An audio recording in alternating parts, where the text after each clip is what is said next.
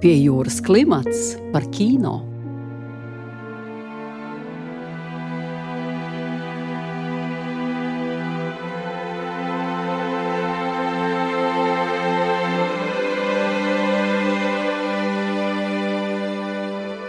Esiet sveicināti pie jūras klimata klausītāji.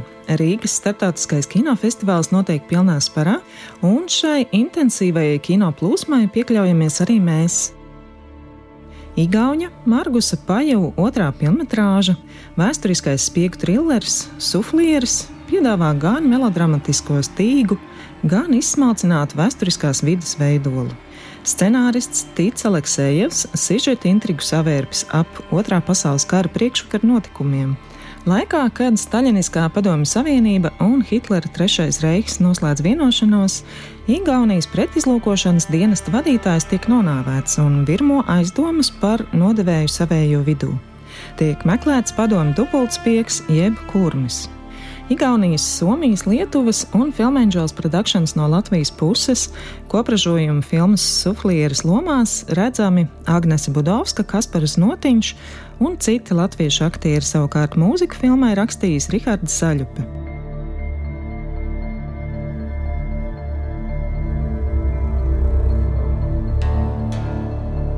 Pie jūras klimata studijā šodien viesojas producents Jānis Kalējs, komponists Rihards Zāļupe un aktieris Kaspars Notiņš. Esiet sveicināti! Sveiki! Sveiki! Esiet sveicināti! Mani ārkārtīgi priecē spiegu kino atzimšana, turklāt Pan-Baltijas mērogā. Jāni, kā filma Angels iesaistījās šajā projektā? Sadarbība ar Igaunijas kolēģiem un ar pārējiem koproducentiem mums sākās jau labu laiku iepriekš. Viņi ir balstīti tādā mūsu kopējā interesē. Satiekās vairāk valsts producentu un domā, nu, kas varētu interesēt cilvēkiem mūsdienu pasaulē, mūsdienu Latvijā, Lietuvā, Igaunijā, Somijā. Tā reģionālā tomēr ir tā primārā auditorija. Un mēs vienmēr domājam, par to un runājām un nonācām līdz tādam secinājumam, ka vēsture un šīs kopējās vēstures lapuses ir tas, kas būs aktuāls mūžīgi. To pierāda mūsdienu situācija šobrīd, un atkal, un atkal, kas varbūt nav tāds pats optimistiskākais nots. Bet no otras puses ir ļoti svarīgi, ka mēs zinām šīs vēstures stundas. Tas ir mūsu mērķis un, un mūsu redzējums, un vizuālajā ziņā tas arī ir. Un visās citās kinematogrāfijas ziņās tas ir ļoti aktuāli un interesanti mums pie tā strādāt. Jā, filmas sākuma titros ir redzams kino kronikas atpakaļgaitā. Tad šis te laika posms, laiks pirms kara, kad ir brīva, vēl neizpostīta Latvija, visa Baltija kopumā, vai tas ir jūsu mērķis, tāds kā virsuzdevums ar šādiem visai iedvesmojošiem un intriģējošiem vēstures stāstiem, stiprināt, vai drīzāk veidot atmiņu narratīvu mūsdienu skatītājiem, vai tas ir jūsu tāds iedvesmojošākais vēstures periods jūsu studijai?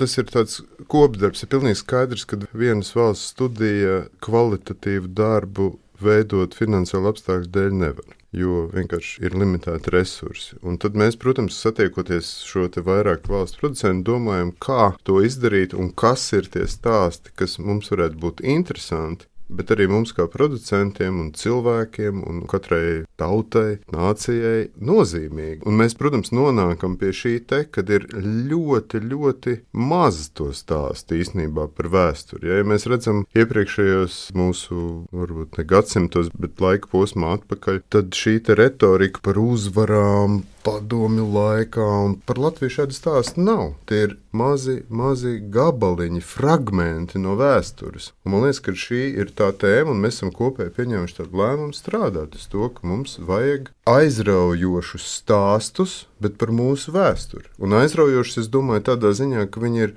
interesanti nevis vienkārši vēsturiski un dokumentāli, bet aizraujoši. Un šī gadījumā spiegu trilleris par to periodu gan atbilst šādam uzstādījumam.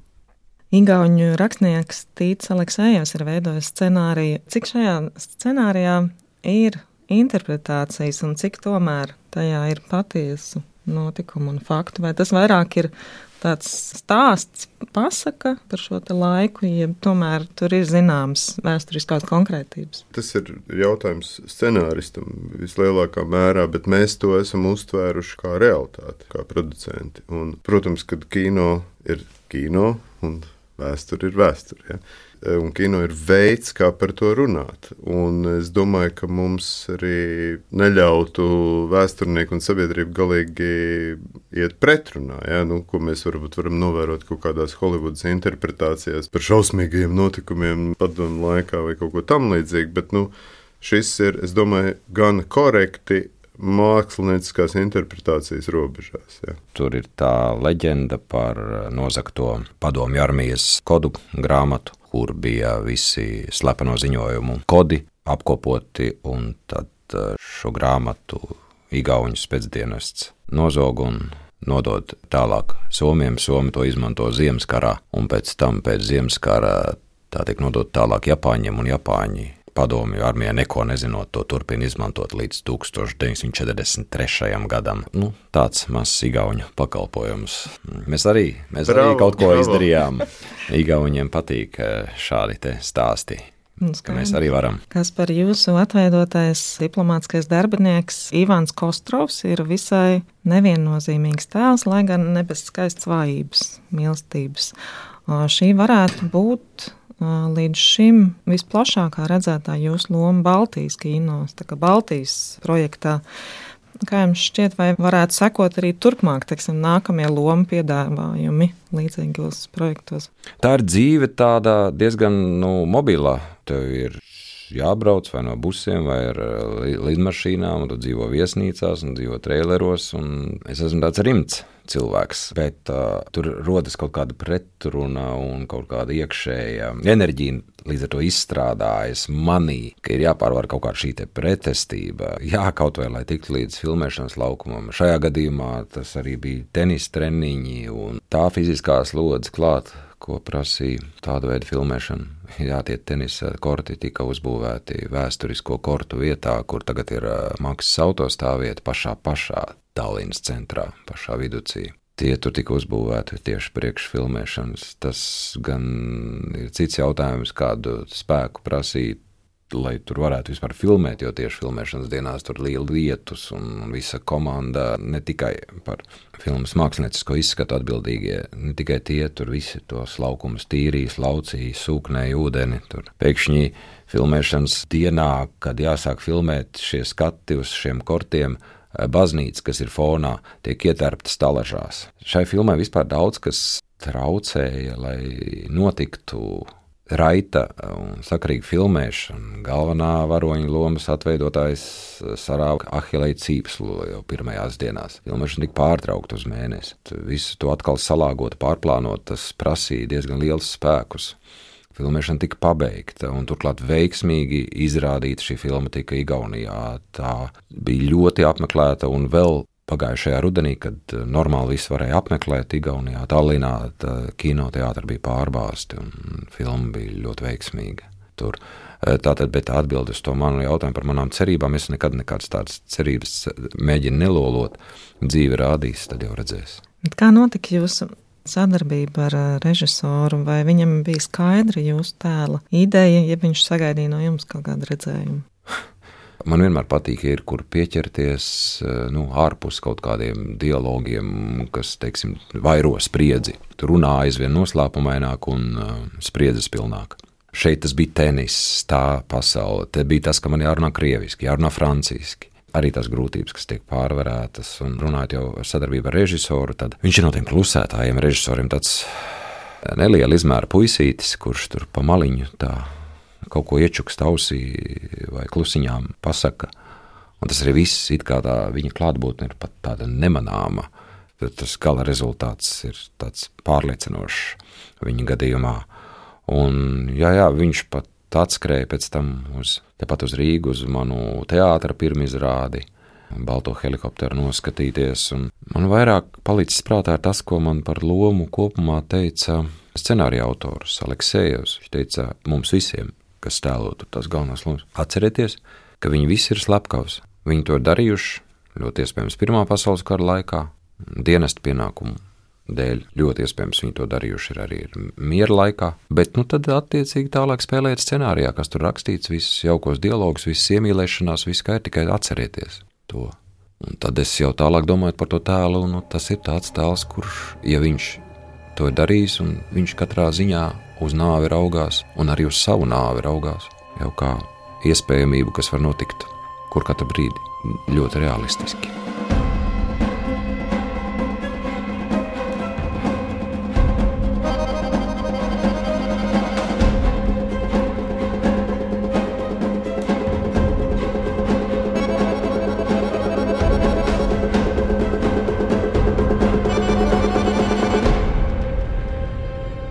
Rihards, eh, asa sižeta, turklāt vēsturisks kino uzliek diezgan konkrētu rāmi mūzikai, kādu skatītājs sagaida. Vai jums bija svarīgi sekot šai tradīcijai, gluži pretēji meklēt savu pieeju? Īstenībā jāsāk ar to, ka šis bija vienkārši super aizraujošs brauciens. Katrs muzikālais elements, kas skan filmā, tiešām ir pārdomāts desmit reizes, kā tas praktiski notiek arī Holivudā. Man bija fantastiska pieredze strādāt lielā komandā, ne tikai režisoru, kurš ir pilnīgs mūzikas eh, melomāns un kurš pilnīgi jau tur dzird katru noti, kurai jābūt vai kura traucē, bet arī man bija fantastiski iespēja, lai mums visiem kopā strādāt arī ar muzikālu editoru, kas manā mūžā bija pirmo reizi šāda pieredze, un tas bija Maikls Pērts, kurš arī strādājis pie tādiem pasaules bestselleriem, arī Holivudas mērogā. Tā bija tāda, nu, grandioza pieredze, tad pašā laikā mēs bijām divi komponisti, un šī bija arī tāda unikāla iespēja sadarboties ar Eriku Ešenvaldu. Un tad pēc šī visa, ko es jums pateicu, nu, tad mēs tiešām strādājām apmēram septiņus mēnešus. Man prieks, ka mēs ierakstījām Latvijā arī orķestri, miksējām Somijā arī 5-1 soundtracku. Bet tas interesantākais tiešām bija, man liekas, tas, ka Margus vienkārši, manuprāt, nu, es nepārspīlēšu, es teikšu, ka viņš bija iemīlējies Erika Ešenvalda divos skandarbos kas ir zināmākie, man liekas, viņa skaņdarbi visā pasaulē, ko jebkurš kormūzikas dziedātājs zina. Tas ir Osolitārs Hostija un arī Paradīzum, kas ir fantastisks čelu solo ar kori.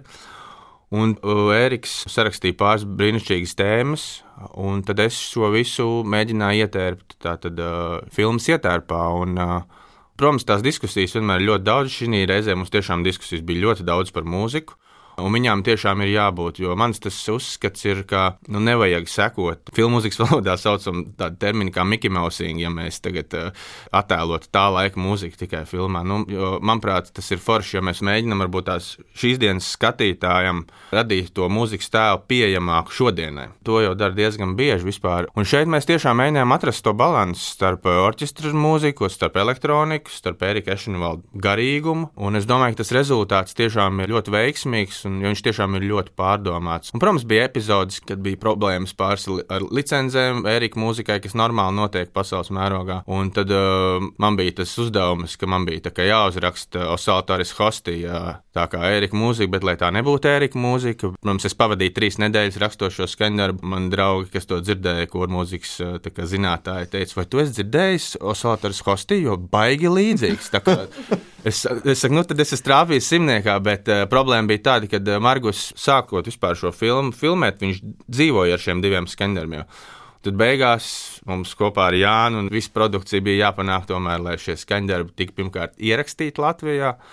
Ko arī ierakstīja uh, Latvijas radio kursu solisti kopā ar Sigvardu Kļavu un arī Dācis Zālīti Zilbertu čelu solo spēlē. Tā kā tā diezgan liela produkcija. Bet, nu, septiņu mēnešu darbs ikdienā, praktiski astoņas stundas dienā, nu, tas prasīja ļoti daudz, bet uh, varbūt cilvēki, kas nav redzējuši, ir tāds super filma, kas saucās The Score ko ir izlaiduši Holivudas producenti par to, ko vispār nozīmē rakstīt mūziku filmām. Un tur viens no arī Oskara nominētiem komponistiem, Aleksandrs Desplā, saka par to, ko nozīmē vispār rakstīt mūziku filmām. Un tas ir tā, nu, ka vai nu tas cimds der rokai vai neder rokai. Tad šī reizē tiešām visa komanda ir darījusi visu iespējamo, lai tas cimds būtu vienkārši tāds perfekts ādas cimds, lai viņš derētu kopā ar bildi.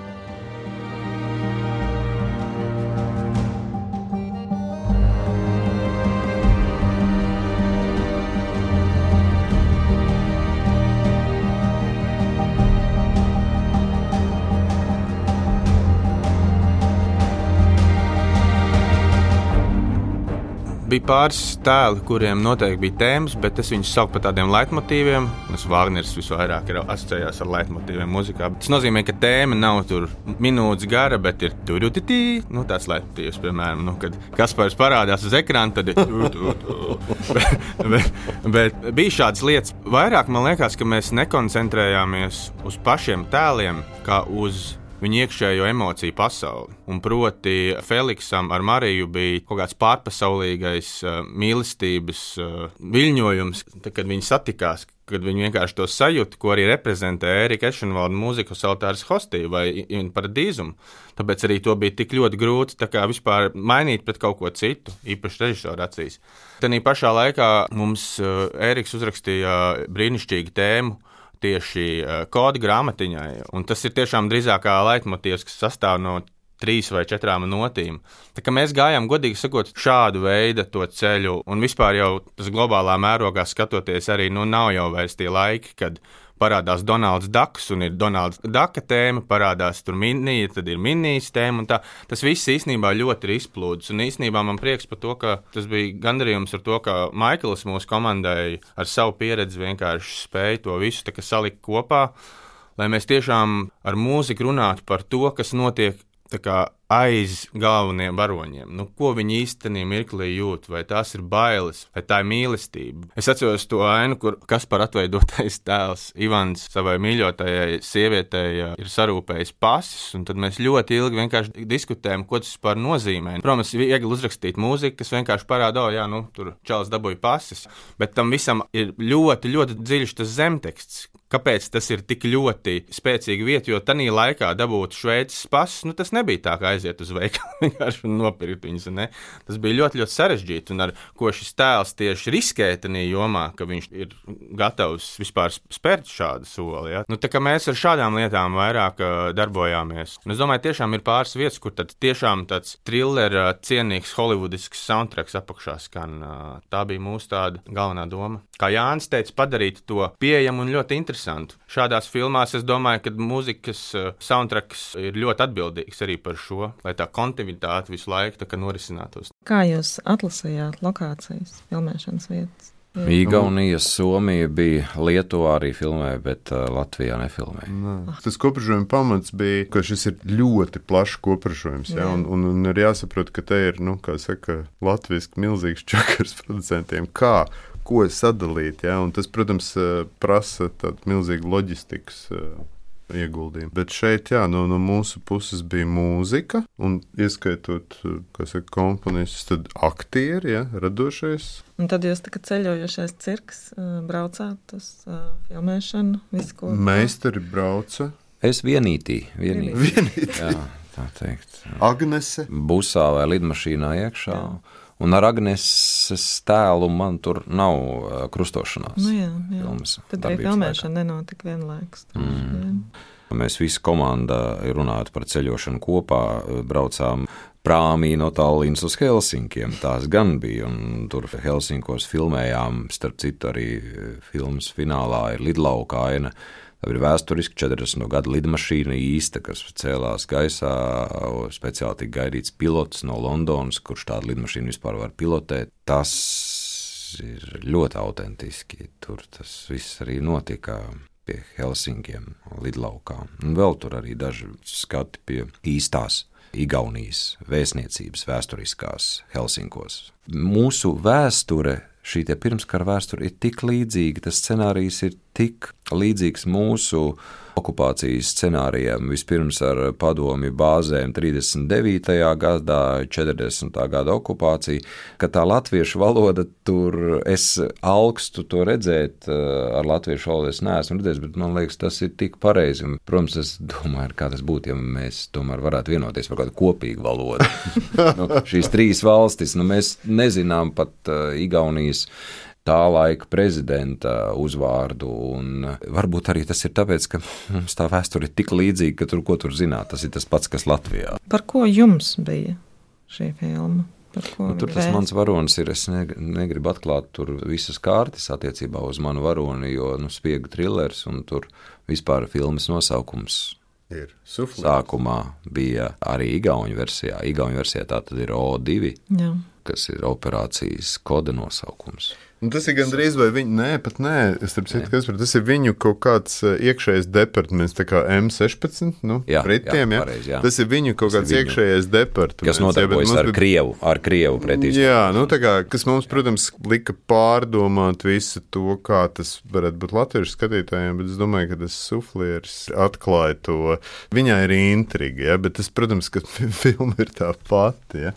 Bet, nu, O2 viņa saukt, eh, jo tas ir, bija, bija ļoti, ļoti igauniska versija. par to manu tēlu runājot. Tur ir kaut kāds tas aizmiršanās brīdis, viņa spēja aizmirsties tiešām tajā otrajā cilvēkā, kas ir arī viņa tā brīža izkritiens no profesijas, vājums no profesijas viedokļa. Tur ir kaut kāda tāda, nezinu, tas man ļāva ieraudzīt šajā cilvēkā, sajust un mēģināt nospēlēt šajā cilvēkā to. Pēkšņi viņš ir kļuvis citādāks un vērpj jau savu ne no viena dienesta neatkarīgu scenāriju. Viņam ir pašam sava doma, kā izpildīt, jo arī viņš jūt, ka lietas sāk notikt pavisam jocīgi, un tas viss iet uz lielu katastrofu. Un šīs priekšnojautas, tas tur nedaudz parādās filmā, liek viņam darboties mm, nu, ne tā, kā viņa darba devēji no abām pusēm mm, būtu gribējuši.